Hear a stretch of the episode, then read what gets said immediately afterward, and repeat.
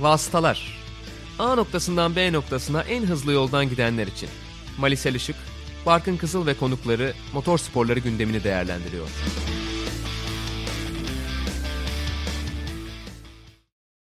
Vasıtaların 66. bölümüne hoş geldiniz. Sokrates Podcast'te ikinci sezonumuzun 23. bölümüyle karşınızdayız. Ben Barkın Kızıl, Malis Elişik'le beraber. Ağırlıklı olarak Meksika Grand Prix'sini konuşacağız. Aynı zamanda konularımız içinde MotoGP ve Dünya Dayanıklılık Şampiyonası da var bu haftaki bölümde. Mali selamlar. Merhaba. Yine güzel bir beklenti içinde girdiğimiz yarış hafta sonunda çok fazla eğlenmeden ayrıldığımızı düşünüyorum açıkçası. Buna rağmen yani tabii Meksikalı artık... taraftarlar kadar eğlenemedik. Ama Evet. onlar kadar eğlenmemiz zaten mümkün müydü? Ondan da emin değilim. Ya şöyle diyecektim ben de hani zaten hani eğlence düzeyi artık bir kenara bırakıldı. Biraz daha kim şampiyon olacak, nasıl gidecek artık hani sezonda bitiyor çünkü yavaş yavaş o noktaya geldik gibi. Hani Türk futbolunda lig oynanıyor oynanıyor hani şey diyorlar ilk başta işte takımlar yeni birbirine alışamadı falan böyle bir bölüm var. Sonra işte devre arası transferleri geldi. Kimyalar oynadı. Sonra ligin sonu geliyor zaten. Artık oyun önemli değil skor önemli noktası oluyor. Biz de oraya geldik gibi oldu. Ama tabii e, en büyük fark malzeme şey olarak baktığında iyi bizde. Yani Formula 1'in öyle bir büyük farkı var bence. evet neyse ki öyle bir farkı var gerçekten. O zaman Meksika'da neler olup bitti? Nasıl bir hafta sonu geçirdik? İstersen konuşmaya başlayalım ilk yorumlarınla. Ya bence güzeldi, keyifliydi. Çünkü beklenmedik şeylerin olduğunu gördük. Yani aslında Austin'den çok farklı değildi. Çünkü pist üstünde bize keyif veren şeyler vardı ama yarışın kendisi de o kadar keyifli değildi. Bir şeyler olabilme potansiyeliyle eğlendik. Austin'de Hamilton Verstappen'i geçer mi geçmez mi? Burada da Perez Hamilton'ı geçer mi geçmez mi? E, Onun dışında cumartesi günü bir anda insanların ve hepimizin tabii ki acaba dememiz güzeldi bence Mercedes'in favori Red Bull'un önünde ilk iki sırayı almasıyla, ilk çizgiyi almasıyla birlikte. O yüzden yani şeydi hafta keyifli bir haftaydı. Yarış efsane bir yarış olmamasına rağmen keyifli oldu ki bence zaten Formula 1'de e, az önce sen de birazcık söyledin. Keyifli yarış olmasının farklı kriterleri var. Onlardan bir tanesi illa pist üstü geçiş veya illa böyle aksiyonlu bir yarış değil. O yüzden bu hafta keyifliydi. Tabii bir taraftan hepimiz Sergio Perez'e sevindik diye düşünüyorum. Kendi evinde, kendi seyircisi önünde. iki senedir gelmediğimiz 2019'dan beri en son 2019'da geldiğimiz bir güçlü bir Güney Amerika değil tabii ki güçlü bir Kuzey Amerika ülkesine bir şekilde tekrar gelip Formula 1'in ne kadar yine hani Orta Amerika'da, Kuzey Amerika'da, Güney Amerika'da zaten çok ciddi bir geleneği var ama biraz daha yeni pazar içerisinde Amerika ve Meksika'dan bahsediyoruz tabii ki. E, ne kadar iyi olduğunu görebilmek de bence çok güzel. Üst üste çok iyi iki e, seyirci yarışı da izlemiş olduk bence. O anlamda da güzeldi. Evet. Yani çok olumlu noktalar var diye düşünüyorum. Evet ben de onu diyecektim. Yani seyirci bu kadar böyle hani atmosferi yükselttiği zaman ister istemez bir keyfi oluyor zaten. Hani pist üstünde çok fazla bir aksiyon görmesek de oluyor bence. Etrafa bakmak bile keyifli çünkü. Meksika'da da yine gerçekten çok güzel atmosferlerden bir tanesi vardı. Herhalde istediklerini de aldılar. Yani iki şampiyonluk adayının arkasında gelen üçüncülük zaten hani bekleyebilecekleri, umabilecekleri sonuçlar arasında en iyilerden bir tanesiydi bence. Yani maksimum gideceği yerde ikincilikti Perez'in. Zaten bu sürüşünün sonunda günün sürücüsü de seçildi. Kendi evinde ilk kez lider gitti bir Meksikalı sürücü. İlk kez de podyuma çıktı zaten. Ee, Öte yandan Max Verstappen o da üçüncü yarışını kazanmış oldu Meksika'daki. Ve tabii ki aslına bakarsan startıyla beraber yarışın bir anda öne fırladı ve o soru işaretlerini ortadan kaldırdı diyebiliriz. Çünkü hani niye soru işareti diyecek olursanız da aslında sıralama seansına kadar hep Red Bull'un önde gözüktüğü ki daha Meksika'ya gelmeden önce de Red Bull'un kazanması beklenen bir Grand Prix'di bu, bu Evet, pistte. burada hep iyiler çünkü yani evet. Yani ama ona rağmen işte sıralama turlarında bir anda işte acaba Mercedes mi daha avantajlı gibi bir duruma itildik. Biraz tabii bunda Sunoda'ya da fatura çıktı enteresan bir şekilde. Yani çocuk da ne yapsın? Ben de onu Yani çok hiç- anlayamadım. Hiçbir mantığı yok gerçekten. Yani akla mantığa sığan bir şey değil. Bir, bir kere yol vermeye çalışmış zaten. iyi niyetle yaptığı bir şey. Ki bunu yanlışlıkla yapsa ya da pist konumunu korumak için işte Perez'i engellemiş olsa o da Verstappen'e bir şekilde etki etse bile kendi sürücünü basından birazcık korursun. Bunun tam tersini yapıyor Christian Horner ve Red Bull. Yani açıkçası küçücük çocuktan ne istediniz diye de insan düşünüyor. Gerek yok bir de böyle bir şey söylemeye ama şey işte yani o şalteri bir açtığınızda ortalığı karıştırma o mikserlik şalterini bir açtığınızda Şalteri Bottas. Toto Wolff'e sürekli laf atacak o devreyi açtığınız zaman kendi pilotlarınız hakkında da benzer şeyler konuşabilecek bir yere geliyorsunuz galiba. Bence ama kendi takımı ve kendi pilotlarıyla ilgili daha farklı, diğerleriyle ilgili daha farklı konuşacak ayrımı da sağlaması gerekiyor. Bir sürü para alıyor yani Christian Horner. Bence saçma bir açıklamaydı. Çok da ayıp olduğunu düşünüyorum Yuki Tsunoda'ya. Ya evet bir de yani Franz Tost da savundu bir de iyice hani böyle takımın İşte içinde savunmak zorunda bırakıyorsun kardeş takımını falan. Yani böyle bir saçma bir durum oluyor ki aslında hepsi Red Bull kontratlı ya biliyorsun bir de gerçek anlamda kendi pilotu. Bir de dediğim gibi işte Alfa Tauri takımının patronunu kendi karşına alacak bir duruma geliyorsun ki onlar senin karşına gelmediği sürece ki bence onlar senin karşında olabilecek bir durumda olduğunda bile yanına çekebilecek bir etkiye sahip olman lazım senin Red Bull takım patronu olarak. Bence çok amatörceydi. Yani şeyler güzel. Sürekli böyle Mercedes'e Toto Wolff'e inceden inceden laf atıyor olması güzel bir şey. O psikolojik savaşın ve bu mücadelenin bir parçası. Ama aynı şeyi kendine yaptığın zaman yani biraz keskin sirke olduğun zaman B küpüne de B takımına da zarar vermemek gerekiyor. Ve gerçekten suçu yok. Herhangi bir şeyi de yok yani. Herhangi bir kabahati de yok Yuki Tsunoda'nın. Bilmiyorum çok çok garip bir yorumdu. Ne gerek var bilmiyorum. Evet, Tuta tutmak yani- lazım biraz yani. Bir de o Dilimi. noktaya zaten takım stratejisi sebebiyle geldi hani Yuki Tsunoda. Yumuşak lastik seçmeseler hiç ben sanmıyorum ki zaten böyle bir olay yaşanabilsin baştan. Yani dolayısıyla hani takımın seçtiği strateji yönünde gelişen bir olayın ardından Red Bull bir anda hani onu suçlu çıkartmış oldu. Çok garip bir olaydı gerçekten. E Bir de şey söyleyeyim. İlk tur haklarında Q3'te daha hızlı olsalardı böyle bir durum olmayacaktı. Yani neredeyse kimse geliştiremedi zaten turlarını. Yani Yuki Tsunoda onları engellememiş olsa bile belki geçemeyebilirlerdi. Bilmiyoruz. Pist şartları biraz daha değişmişti ilk haklar ve ikinci haklar arasında. Daha hızlı da gelmiyorlardı galiba değil mi? En fazla yakın geliyorlardır.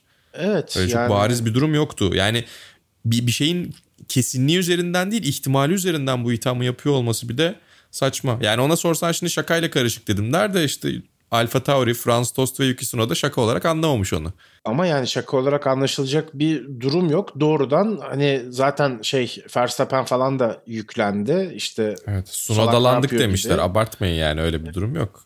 Ama yani gerçekten öyle bir durum yok. Ya biraz ben artık bu şampiyonluğun ucuna kadar gelmiş olmalarına, yılların verdiği o işte sinire, strese bunların birikmesine bağlıyorum yani. Hani Ya sakin kafayla yapılmış açıklama avantaj gibi da değil onlarda zaten. sonuçta. Ya onlar Yani da Max işte Verstappen- hani yenemeyeceğim bir rakip gibi görülüyordu Mercedes sonuç olarak hani kaç senedir hem de Hmm. sadece bu sene için de değil.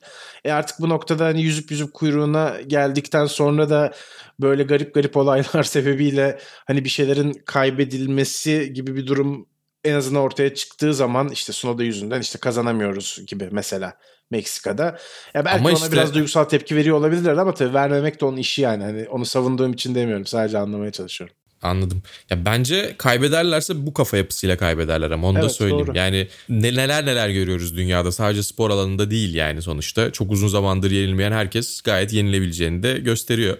Bunun motor sporlarındaki yakın örneklerinden bir tanesi Jonathan Ray. Umarız yenilecek. Yenilmeye de çok yakın gibi görünüyor. Ama Toprak Jonathan Ray'i yenmek için mi ortaya koydu kendini? Ya da sadece Jonathan Ray'e odaklanarak mı yarış, yarıştı? Hayır sadece kendi yapabileceğinin en iyisini yapayım piste çıkayım dedi. Çünkü Jonathan Ray puan almadığında bile galibiyet için ciddi riskler aldı. Dolayısıyla siz kendi gündeminizi, kendi hedefinizi oluşturduğunuz zaman diğer tarafa çok fazla takılmayabiliyorsunuz. E, Rüzgar da arkalarında bu arada onu da söyleyeyim yani. Takım olarak iyiler, pilot olarak zaten iyiler.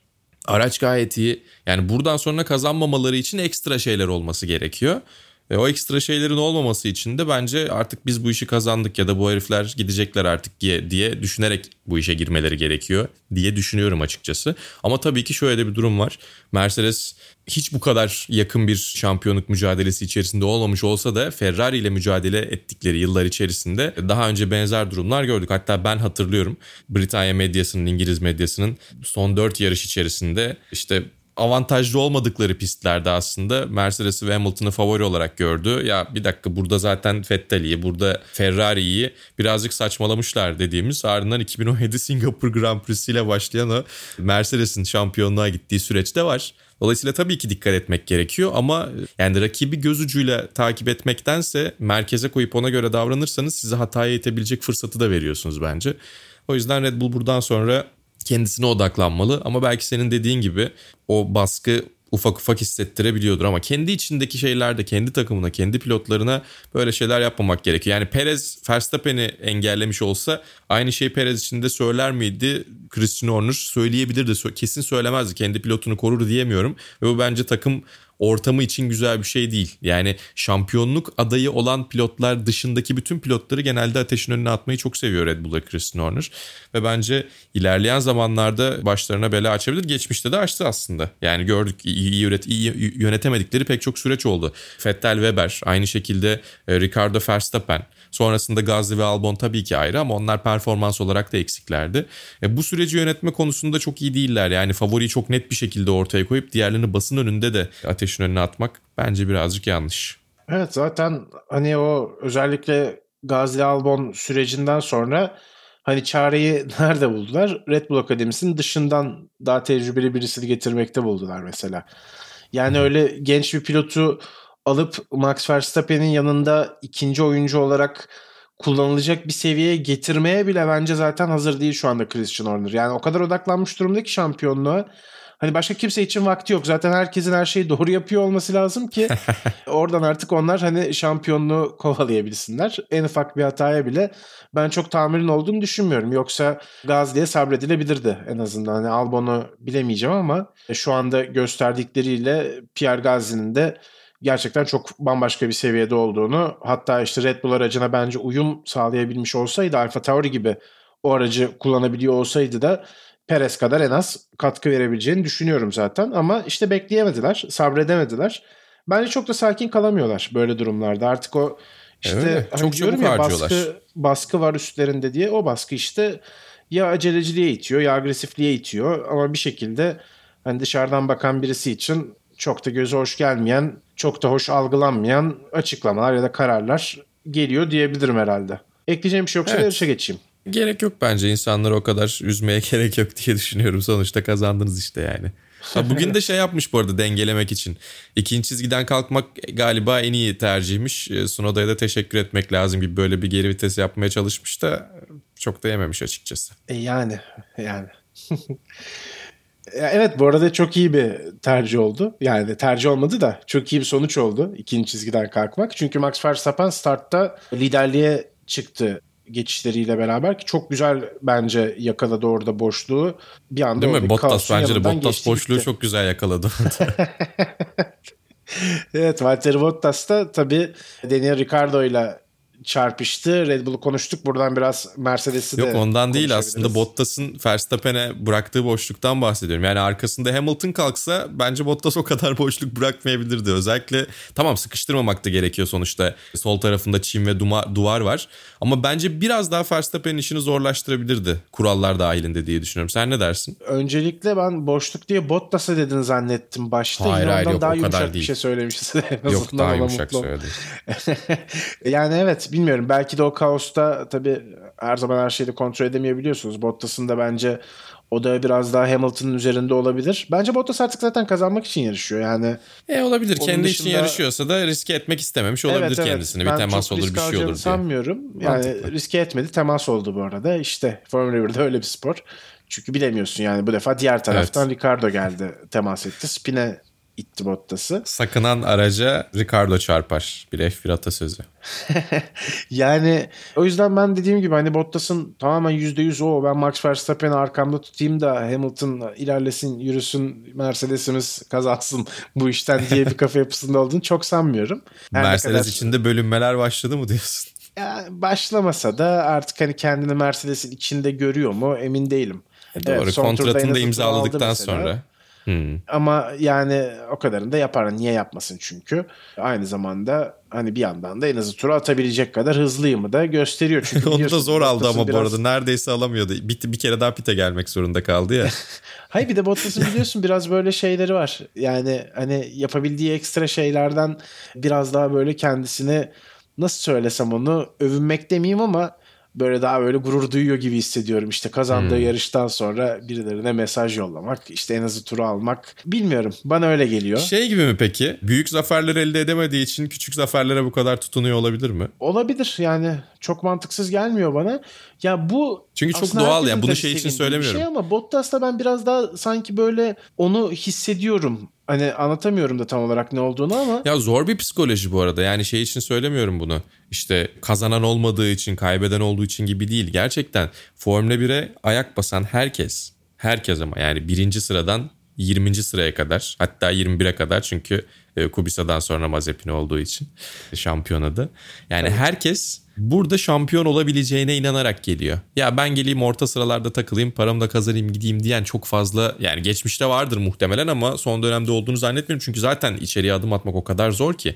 O yüzden oraya geldiğinde elinde fırsatlar da olduğunda kazanamadığında böyle şeylere tutunmak bu tarz nasıl söylesem e, psikolojik anlamda kendine teselli mekanizmaları üretmek çok doğal, çok olabilecek bir şey. Sadece bir bakış açısı olarak söyledim. Yani hani e, büyük zaferler elde edemeyip bu tarz ufak şeylere tutunuyor olması elinde o olduğu için ondan mutlu olmaya çalışıyor belki. O yüzden Bottas'ın da üstüne çok gidiyoruz. Çünkü üstüne gidilecek kadar performanssızlıklar yapıyor ama psikoloji olarak da gerçekten kolay değil. Çünkü çok şanslı bir taraftan Williams da çok iyi yarıştı. Bir anda Rosberg'in emekliliğiyle birlikte acayip bir koltukta yani Formula 1'deki o an içerisinde herkesin Hamilton hariç herkesin kalkıp oturmak istediği bir koltuk ki aslında şampiyonluk koltuğu olduğu için Hamilton bile ya bir değiştirsek olabilir mi diye düşünmüştür diğer araca geçeyim diye. Yani herkesin istediği koltuk ona layık görüldü ama şampiyon olabileceği olabileceği bir ortamda yoktu. Çünkü Hamilton birinci pilot, Bottas ikinci pilottu. Çok ters bir şeyler gitmediği sürece sezon içerisinde çok iyi başlayıp da acayip bir fark yaratmadığı sürece de şampiyonluk olma ihtimali yoktu. Böyle çok yaklaşıp ama olamayacak bir pozisyonda olmak da çok kolay değil bence. O yüzden Bottas'ın psikolojisindeki çözülmeleri de böyle görmek lazım belki. E, Yani evet ama tabii zaten kimse Bottas şampiyon olsun diye almıyor oraya da yine de hani her fırsat geldiğinde orada evet ben varımı göstermekte başka bir şampiyon meziyeti bence. Onu da çok Öyle. ortaya koyamadı aslında. Öyle bu sezon öyle. Bu sezon hakikaten istediğini yapamadı. Ki geçtiğimiz sezonlarda da aslında yani inanılmaz bir şekilde ikinci pilot ya da işte inanılmaz bir şekilde o wingman performansını göstermesi gereken baştan sona bir sezon olmadı bence. Bilmiyorum katılır mısın? Evet. E, O yüzden yani belki de potansiyeli o anlamda çok fazla yoktu. Bir de hep tek turda güzel zaten. Bottas'ın tek turdaki performansları gerçekten çok iyi. Eğer işte sen bisiklet spikersın aynı zamanda bireysel zamana karşı diye ayrı bir dünya şampiyonası olsaydı Bottas orada, Orada ciddi bir aday olabilirdi. Evet. Ama pist üstü pozisyon o anlamında yeterince agresif bir pilot olmadığı için ikinci pilot olarak belki en önemli meziyetlerinden bir tanesi de o olabiliyor pilotların. Onu yapamayınca ikinci pilot olarak yapması gereken şeylerde de eksik görünüyor. Biraz aslında ondan istenenlerle onun yetenekleri çok fazla örtüşmüyor öyle söylemek lazım. Yeteneksiz bir pilot veya yavaş bir pilot olmasından ziyade gerçekten pist üstünde takım ona ihtiyaç duyduğunda etkisiz eleman gibi davranıyor. Ama o da dediğim gibi yani hani sonuçta daha farklı. Yani şeyi düşün çok fazla ikili mücadele içerisinde iyi olan pilotlar da zaten ikinci pilot olmuyorlar. Mesela yani kabul ettirebildiğini düşün. Fernando Alonso'dan acayip bir ikinci pilot olur. Ki oldu zaten Ocon'a öyle yarış kazandırdı hatta direkt örneğini vereyim Macaristan 2021. Hı hı. Ama Fernando Alonso'yu sezon boyunca ikinci pilot yapabileceğim bir durum yok. Çünkü o meziyeti gösteren adam zaten birinci pilot olmayı hak eden bir adam. O yüzden orada bir garip bir durum var yani Bottas da bir arada buluyor kendini.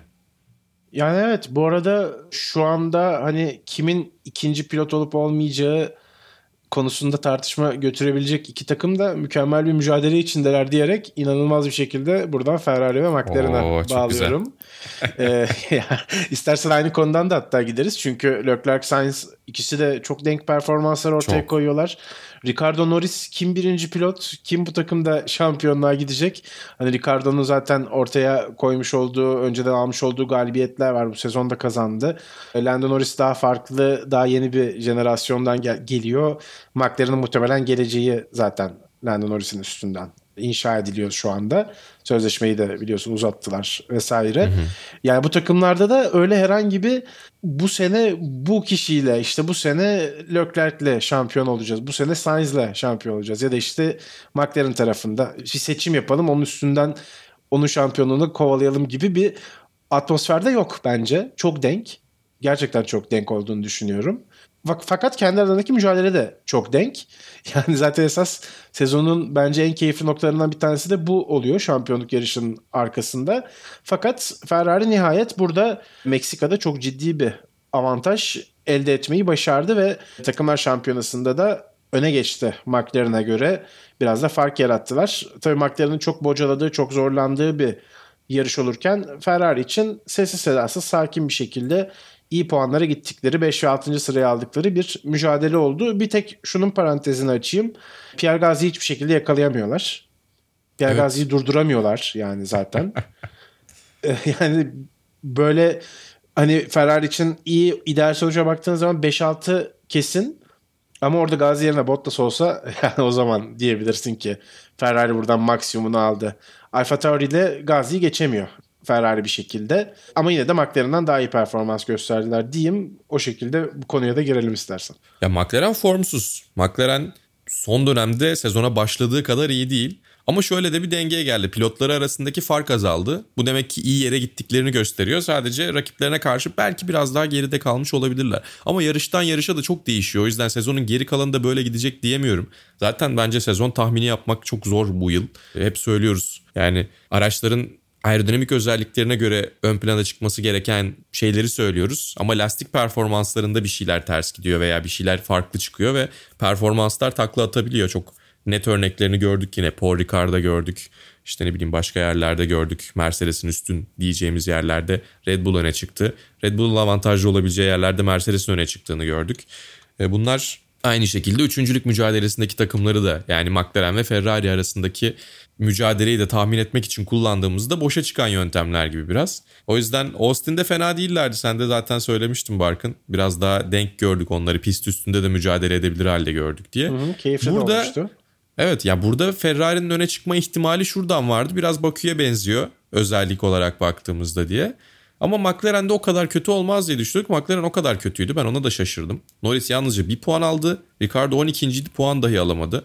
Ki arada yani önünde bir tane de Alfa Romeo var. Giovinazzi var ki ondan da kısaca bahsederiz. Ya o yüzden açıkçası çok yakın bitmesini isterim. Son yarışa kalmasını isterim yine şampiyonluk mücadelesinde olduğu gibi üçüncülük mücadelesinin de. Ama Ferrari toparladığı gibi ve pilotları gerçekten formda. Çünkü Norris'in de çok moral anlamında biraz düştüğünü tahmin ediyorum son yarışlardan itibaren. Yani sezona başladığı şeyde değil, mental yerde değil belki. Ama bunlar tabii dediğim gibi çok hızlı bir şekilde inip çıkabilen şeyler. O yüzden yani bunu böyle bir oturduğumuz yerden analiz yapıyoruz ama e, bir sonraki yarışta tam tersine dönebilecek bir tablo olabilir. Norris çıkar kazanır. Ricardo dördüncü olur Brezilya'da.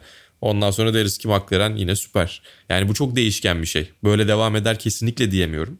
Ama bu kadar değişken olması da güzel bir taraftan. Ve senin de söylediğin gibi Ferrari'nin gerçekten çok e, keyifli bir derdi var. İki pilotu da çok yakın birbirine. Carlos Sainz olabilecek en iyi şekilde bu sezonu geçiriyor. Çünkü herkesin adaptasyon problemleri yaşadığı, herkesin alışma problemleri yaşadığı bir yılda en erken o alışmıştı. Aynı performansını da göstermeye devam ediyor. Ve önümüzdeki yıllar içinde 2022'de mesela atıyorum şampiyonluk mücadelesinde iki pilotuyla birlikte varsa Ferrari bunun kararını vermek çok kolay olmayacak. Muhtemelen sezonun bu nok- belli bir noktasından sonra önde olan pilota doğru gidecekler. Evet, Ama bu kadar yakın giderlerse de onu yapmak da doğru değil. Yani atıyorum işte sezonun ortası kaçıncı yarış oluyor? 20. yarış oluyor. 40 yarış falan yapacakları için seneye. Ee, oradan sonra oradan sonra yani sezonun yarısı bitmişken arada 10 puan fark varsa da çok kolay tersine çevirebilir bir şey. Oradan sonra bütün kaynaklarımızı tek pilota yönlendiriyoruz demek de kolay değil. Yani orada bize güzel malzemeler verecek bir takım içi çekişmede olabilir. Ama tabii ki dediğim gibi böyle bir derdi bütün takımlar ister. Ki önümüzdeki yıl hiç belli olmaz. Mercedes'te de böyle bir şey olabilir. George Russell sabırlı davranmak evet, istemeyebilir. O yüzden yani güzel zaten, yani. Hani bence Russell'ın başlangıcı çok önemli olacak Mali. Yani girer de şöyle 3 yarışın ikisini Hamilton önünde falan bitirirse o zaman ben ne olacağını hayal bile edemiyorum. Çünkü evet, gerçekten olabilir. hızlı ve hani Hamilton'da bazen öyle en formundaki formun zirvesindeki hallerinde olmayabiliyor. E, öyle yakaladığı zaman da Russell Hamilton'ı beklemez ben sanmıyorum. O anlamda da tabii Mercedes için de gerçekten aynısı geçerli olabilir. Ben onu unutmuştum. Sen de çok iyi hatırlattın. Böyle büyük Ama takımlarda McLaren sadece için- Verstappen için herhalde rahat gibi gözüküyor diyebilirim. Bence Bilmiyorum, Norris için de bence Norris için de öyle. Yani Ricardo çok kuvvetli başlarsa tersine dönebilir ama McLaren'in tercihinin yapıldığını herkes biliyor. Sen de söyledin zaten. Norris McLaren'ın pilotu. O yüzden bence işler farklı olmayacaktır. Yani Verstappen'in ne kadar rahatsa yani şöyle düşün. Verstappen de ilk üç yarışta Perez'in çok gerisinde kalırsa takım Perez'i destekleyebilir. Ancak o tarz bir şartta Sanmıyorum. Ricardo'yu destekler Norris'te. O da zaten mantıklı olan. Öbür pilotta çok fazla ısrar etmeyebilirsin. Yani McLaren'ın durumu biraz daha net o yüzden. Hatta Ricardo'nun koltuğu tabii ki sallantıda değil ama önümüzdeki yıllarda iyi performans sergilemesi de gerekiyor. Çünkü IndyCar değişikliği de olabilir. Pato Ward'ı testleri alacaklar. Simülasyonda gayet iyiymiş Patricio Ward. Bir anda ikinci bir yetenekli Meksikalı pilotu olabilir Formula 1'in. Hiç belli olmaz. E, Kendi aralarında da değiştirebiliyorlardır kontratı muhtemelen çünkü. McLaren sporcusu olduğu için ikisi de. Yine Red Bull Alfa Tauri gibi bir durum belki vardır. O yüzden yani açıkçası bu mücadele çok keyifli ve bir de senin de söylediğin gibi inanılmaz bir Pierre Gasly faktörü var. Bu sene dördüncü kez ilk beşte yer aldı ki yani Alfa Tauri'nin takım olarak herhangi bir pilotuyla ilk beşte yer alması bir iki kez olabilir. Ve çok acayip yarışlar olduğunda işte Macaristan gibi yarışlarda belki daha işte Bakü gibi yarışlarda denk gelirse olabilecek bir şey ama hiç kimseye bir şey olmadığı yarışlarda dahi Pierre Gasly'nin bu tarz performansları gösterebildiğini görüyoruz ve bence bu çok değerli, çok önemli. Ki yani herkese bir şey olduğu yarışlarda çıkıyor, podyuma falan çıkıyor, yarış kazanıyor geçtiğimiz yıl olduğu gibi.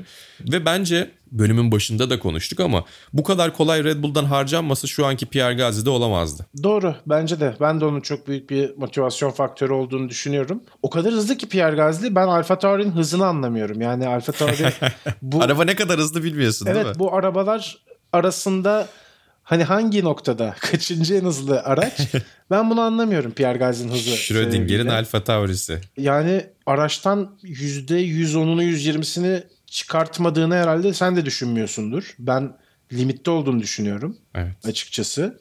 Neredeyse tek başına da zaten Alpine'le savaşıyor şu anda. 106'şer puana geldiler. Bu 106 puanın 86'sı Pierre Gasly'nin 20 puan Yuki Tsunoda'dan geldi. Yani Pierre Gasly şu an tek başına Aston Martin'in önünde zaten. Çok Tauri'de şey de eşitler. Zaten Alpine'de de eşitler.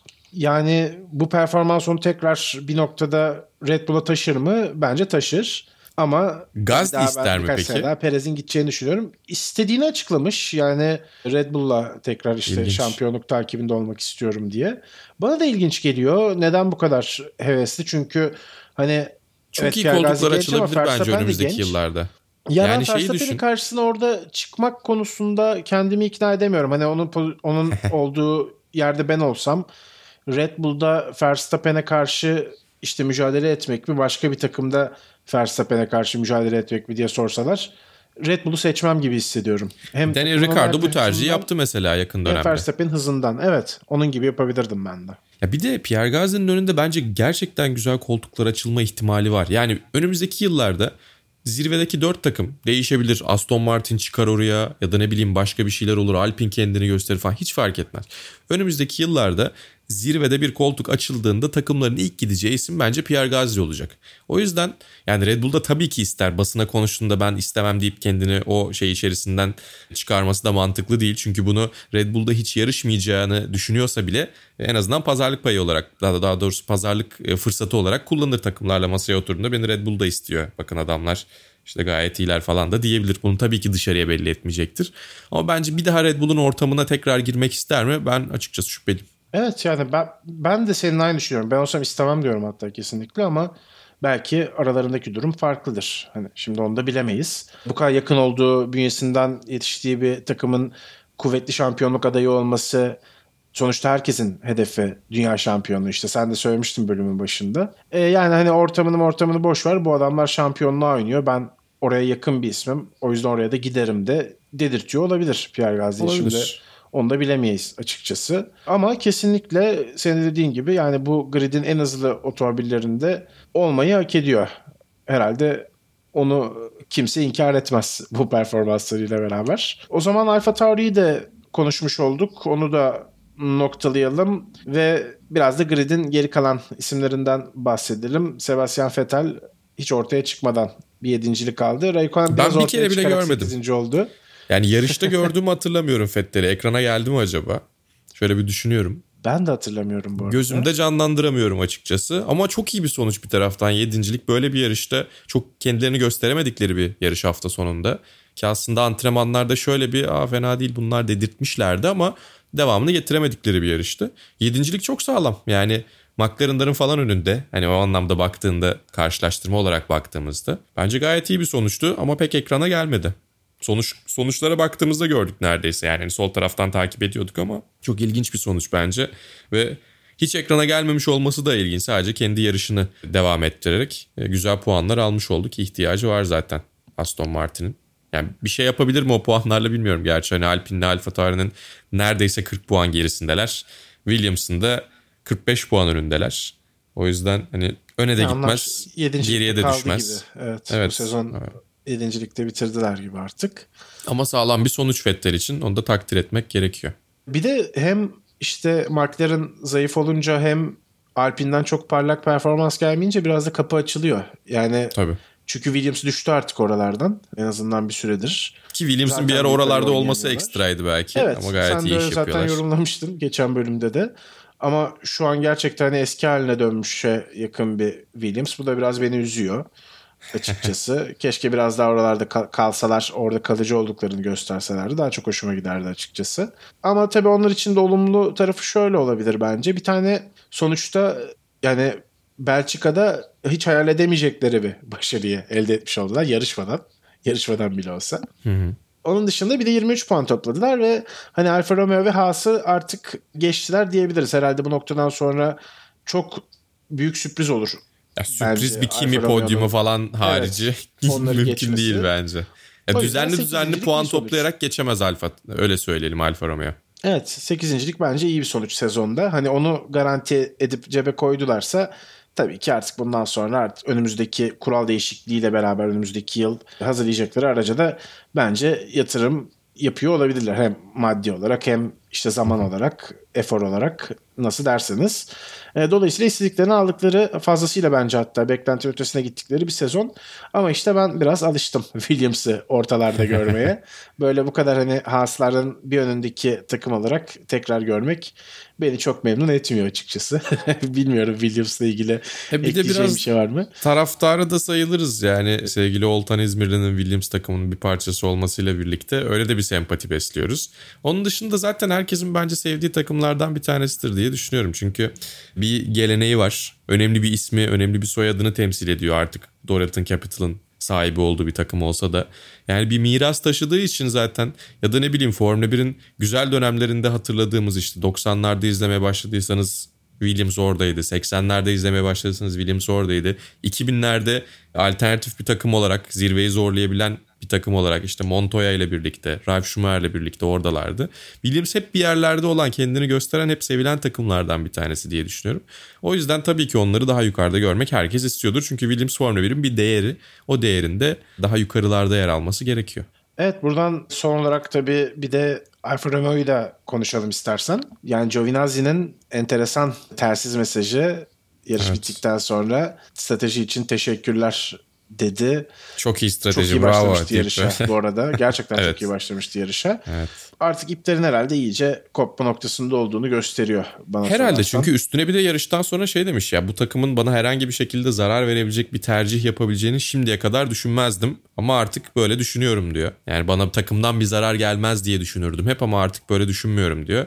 Herhalde artık onun da 2022'de yarışmayacağına dair bir belki anlaşmazlık, anlaşamamışlardır belki 2022 için. Ki bence hala kötü bir tercih değil bir senede Giovinazzi ile devam etmek. Yani Giovinazzi o koltuğu hak etmek için çok iyi şeyler yapmayabiliyor ama o koltukta da kalabiliyor. Çünkü daha iyi bir alternatif çok fazla ortaya çıkmıyor. Ama tabii Guan Yu Zhao ve onun 30 milyon daha iyi alternatifi, daha iyi maddesi işleri tersine çevirebilir. Yani çok pek çok alternatif var. Colton Herta ve Andretti işi yattı öyle görünüyor. Oradan bir şey çıkmayacak gibi. Ama herhalde yani Giovinazzi'nin bu yaklaşımı takıma böyle bakıyor olması sanki devam etmeyeceklerinin de bir göstergesi gibi geliyor. Ama senin de söylediğin gibi Raikkonen güzel puanlar aldı. Onlar biraz e, fark kapattılar. 8. oldu Raikkonen için de iyi bir sonuç bence bu. %100. Ve Yani nihayet iyi biraz fark kapatabildiler. Sezonda. Evet ama bu çok daha içinde. erken buralara gelebilecek bir şey yakalamaları gerekiyordu bence. O fırsatları vardı. Ama Williams'ın herhalde iki yarıştan öyle çok ekstra şeyler çıkarabileceklerini düşünmüyorlardı Macaristan ve Spa'da. Macaristan ve Belçika'da ülke ismi olarak saydık öyle devam edeyim. Hungaroring ve Spa'da. Onu beklemedikleri için de bence 9. sıra daha doğrusu 8. lig mücadelesinde bir rehavete kapıldıklarını düşünüyorum. Yani Williams toplasa toplasa birkaç puan toplar diye düşünmüş olabilirler sezon içerisinde.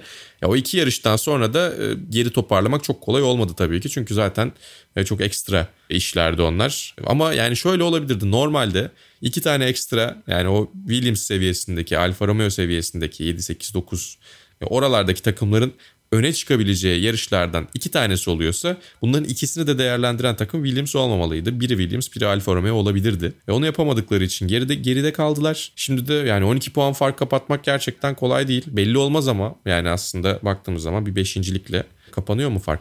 Dördüncülük mü oluyor, beşincilik mi? Hemen şöyle bir bakayım. Bunları da hep karıştırıyorum. Evet bir dördüncülükle 12 puanla aradaki fark da kapanıyor. Yani Belli de bir olmaz. dördüncülük biraz hani işte çok kolay ekstrem bir şeyden bahsediyorum. Ya da iki Zor. tane yedincilikle de kapanıyor öyle söyleyeyim. Evet. Ama işte iki tane yedincilik bence o seviyedeki bir takım için imkansız olmasa da Alfa Romeo yedinci olabileceği fırsatları değerlendirebilecek bir takım değil gibi. Yani yedincilikte bulsalar kendilerini orada kalamayabilecekler gibi geliyor bana. Evet. Öyle bir algısı var bende. Yedinci olabilecekleri fırsatlar bu sezon içinde 3-4 kere geldi en az. Çünkü biz Ve konuştuğumuz için hatırlıyorum. Evet. Hiçbirini değerlendiremediler. Evet. Hani hiçbirini değerlendiremediler. Bir tanesini bile gidip almadılar. Alamadılar ya da neyse. Ama ben Giovinazzi'nin de biraz tuz oranında artış hissediyorum. Ben sanmıyorum artık devam edeceklerini. Yani devam etmeyeceklerini de biliyor bence. Bu hani öyle sürüncemedeki bir görüşme sonucunda yapılmış bir açıklama olduğunu düşünmüyorum ben. Bence sonuç kesinleşti. Söylediler herhalde. o da artık sırtını evet, döndü diyorsun. Evet evet o da artık sırtını döndü herhalde. Yani ben öyle yorumluyorum en azından. Yani gitmeyi hak etti mi diye sorarsan da bilmiyorum. Yani çok fazla hata Gitmeyi yaptı bence. Hak etti mi den ziyade onun yerine gelen ne kadar hak ediyor bence daha çok değiştiriyor işi. Evet herhalde öyle bakmak lazım. Doğru söylüyorsun. Göreceğiz yani. Ama ben Giovinazzi'yi sanmıyorum Alfa Romeo'da izleyeceğimizi bundan sonra. Formula 1'de izler miyiz? Ondan da çok şüpheliyim. Belki. Dünya Dayanıklık Şampiyonası'nda izleyebiliriz. Evet orada Ferrari, Ferrari ile bir hiper otomobil macerası kovalayabilir. Belki GT'de yarışır mı emin değilim. Yani sonra da belki geri gelebilir. Yani çünkü yani Ferrari fabrika pilotu olarak bence devam edebilir. Yani öyle düşünüyorum. Hem Dünya Dayanıklık Şampiyonası'nda hiper otomobil sınıfında çok iyi koltuklar açılacak. Hem onun dışında ki onlardan onları e, Prema'ya da bir şeyler ayarlayacaklar gibi duruyor orada. AF Corsa yürütecek tabii ki ana işleri ama e, ya bence güzel bir iş çıkabilir. GT'de de yarışırsa güzel bir iş çıkabilir. Oradan da dünya şampiyonlukları kovalayabilir deyip buradan Veke mi bağlasak? Tam yeri geldi bağlayalım, çünkü. Bağlayalım. Vallahi güzel söyledin. yani Veke yer veriyoruz. Dünya Dayanıklık Şampiyonası'nda yer veriyoruz vasıtalarda. Konuştuğumuz organizasyonlardan bir tanesi aslında. Her ne kadar işte Super Cup kadar, MotoGP kadar, Superbike kadar olmasa da. Ama bu hafta konuşmamızı gerektirecek bir olay meydana geldi.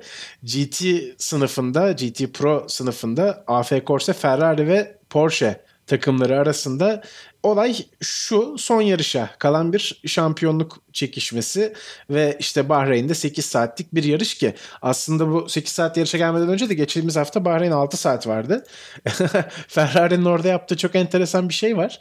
Yarışı tamamen Porsche'ye bıraktılar böyle ve yani gazlamadılar bile. Aradaki farklar açıldı açıldı. Ferrari çok yavaş gibi bir tablo ortaya çıktı. Çünkü performans dengelemesinden Bahreyn 8 saatte Ferrari olduğundan daha da hızlı ayrılmak istiyordu. Bence açıklaması kesinlikle bu.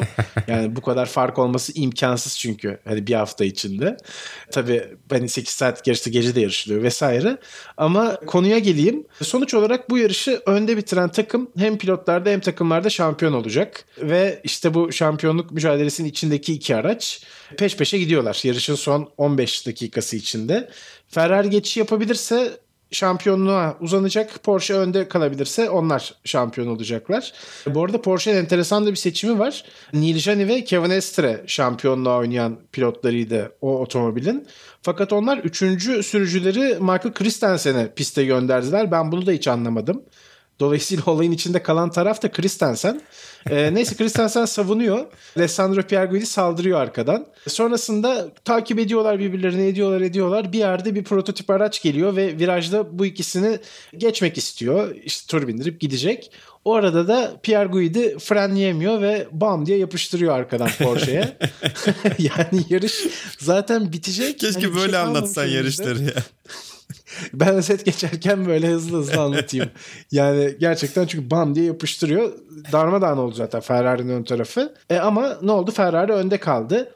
Sonra yarış yönetiminden karar çıktı. Ferrari sırayı geri verecek Porsche'ye diye. Tamam bu da güzel anlaşılabilir. Hani şöyle düşünüyorum o sırada da bırakacak. İşte bir 10-12 dakikası var önünde. Tekrar peşine düşecek, geçmeye çalışacak. Aslında çok bir şey değişmeyecek işte hasar dışında. Ama ne yaptı Porsche? Gitti pite çağırdı Christensen'i. İşler karıştı. Sonra Ferrari de bir pit stop yaptı. Ve sırayı vermeden de yarışı bitirdiler.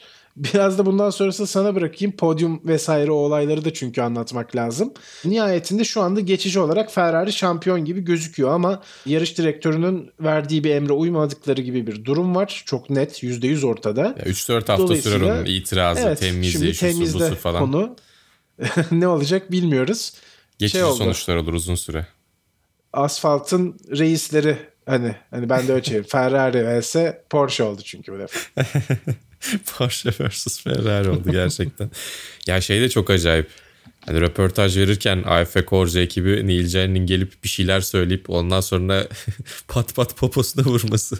Orada ne diyor? Gelip buradan mı vurdun diyor. Hani onu bir canlandırma olarak mı yapıyor yoksa yani bir böyle bir laf atma olarak mı yapıyor? Bir Tam da çözemedik değil mi ne dediğini çünkü. Yani Mikrofona yansımış mıydı söylediği? Hiç fikrim yok. Çok garip. Yani çok garip.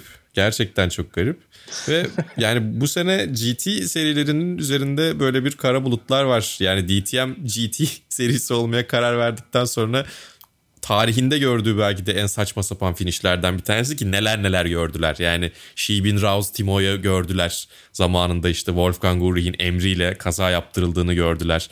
İşte Barcelona'da inanılmaz bir şampiyonluk mücadelesi var. Markaların karşı karşıya geldiği yine böyle Audi ile Mercedes'in. Onu da mutlaka bakmanız gerekiyor bence YouTube'dan izleyin. Yani DTM aslında çok felaket şeyler gördü ama bu seneki kadar felaket bir şey görmedi. Demek ki GT üzerinde var bir şeyler yani dediğim gibi Vec'te de GTA Pro'da böyle bir durum ortaya çıktı. Ama çok uzun süre bunun şeyi sürer. Yani FIA ödüllerine yetiştirebilirler mi öyle söyleyeyim süreci acaba onu merak ediyorum ben çünkü epey itiraz edecekler. Veki de bu şekilde konuşmuş olduk. Yani ne olacak bakalım. Biz bu sezonu bitirmeden çıkarsa karar belki paylaşırız. Şöyle oldu böyle oldu. Bu konuyu bir şekilde bağlarız hani sezon bitene kadar eğer dediğin gibi o karar çıkarsa çıkar herhalde o kadar da değil.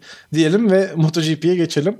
Portekiz'de Algarve Grand Prix'sindeydik. Peko Bagnaia kazanmayı başardı ve bu hafta sonu önemli olayı da herhalde Ducati'nin markalar şampiyonasını kazanması oldu diyebiliriz herhalde. Evet. Peko Bagnaia kazandı. Jack Miller 3. sırada bitirdi. Joan Mir ikinciydi bu arada. O 1-3 ile birlikte gayet güzel bir sonuç elde ettiler ve markalar şampiyonluğunu aldılar. Fabio Quartararo düştü bu arada. O da şampiyon olduktan sonra çok fazla zorlamamış olabilir belki.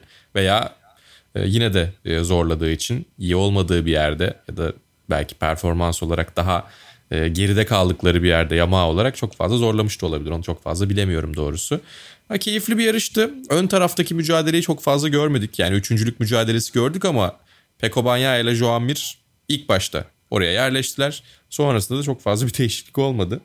Ve o açıdan bakıldığında Superbike Dünya Şampiyonası çok daha keyifliydi burada MotoGP ile kıyaslarsak. Moto işleri Pedro Acosta şampiyon oldu. Yarışı kazanarak şampiyon oldu hem de 1990'dan beri ilk çaylak şampiyon.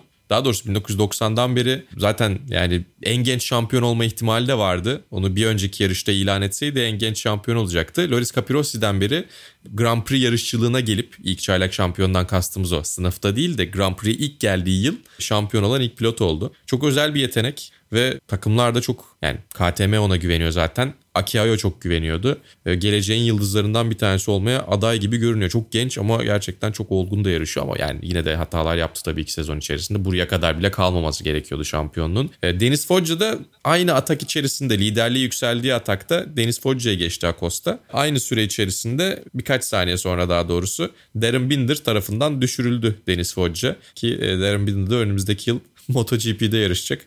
Rakiplerine kolaylıklar diliyoruz. O yüzden ilginç bir finish oldu. Moto2'de henüz daha şampiyonluk belirlenmedi. Onu da belirlendikten sonra konuşuruz herhalde. Evet böylece biz de Vasıtaların 66. bölümünün sonuna geliyoruz. E, takvim yoğun tabii. Dolayısıyla bol bol vasıtalar da olacak. Bu aralar önümüzdeki hafta Brezilya'dayız. Brezilya Grand Prix'sinin ardından yani evet fiziksel olarak olmasak da kalben Brezilya'dayız. O yarışın ardından tekrar görüşmek üzere. Hoşçakalın. Hoşçakalın.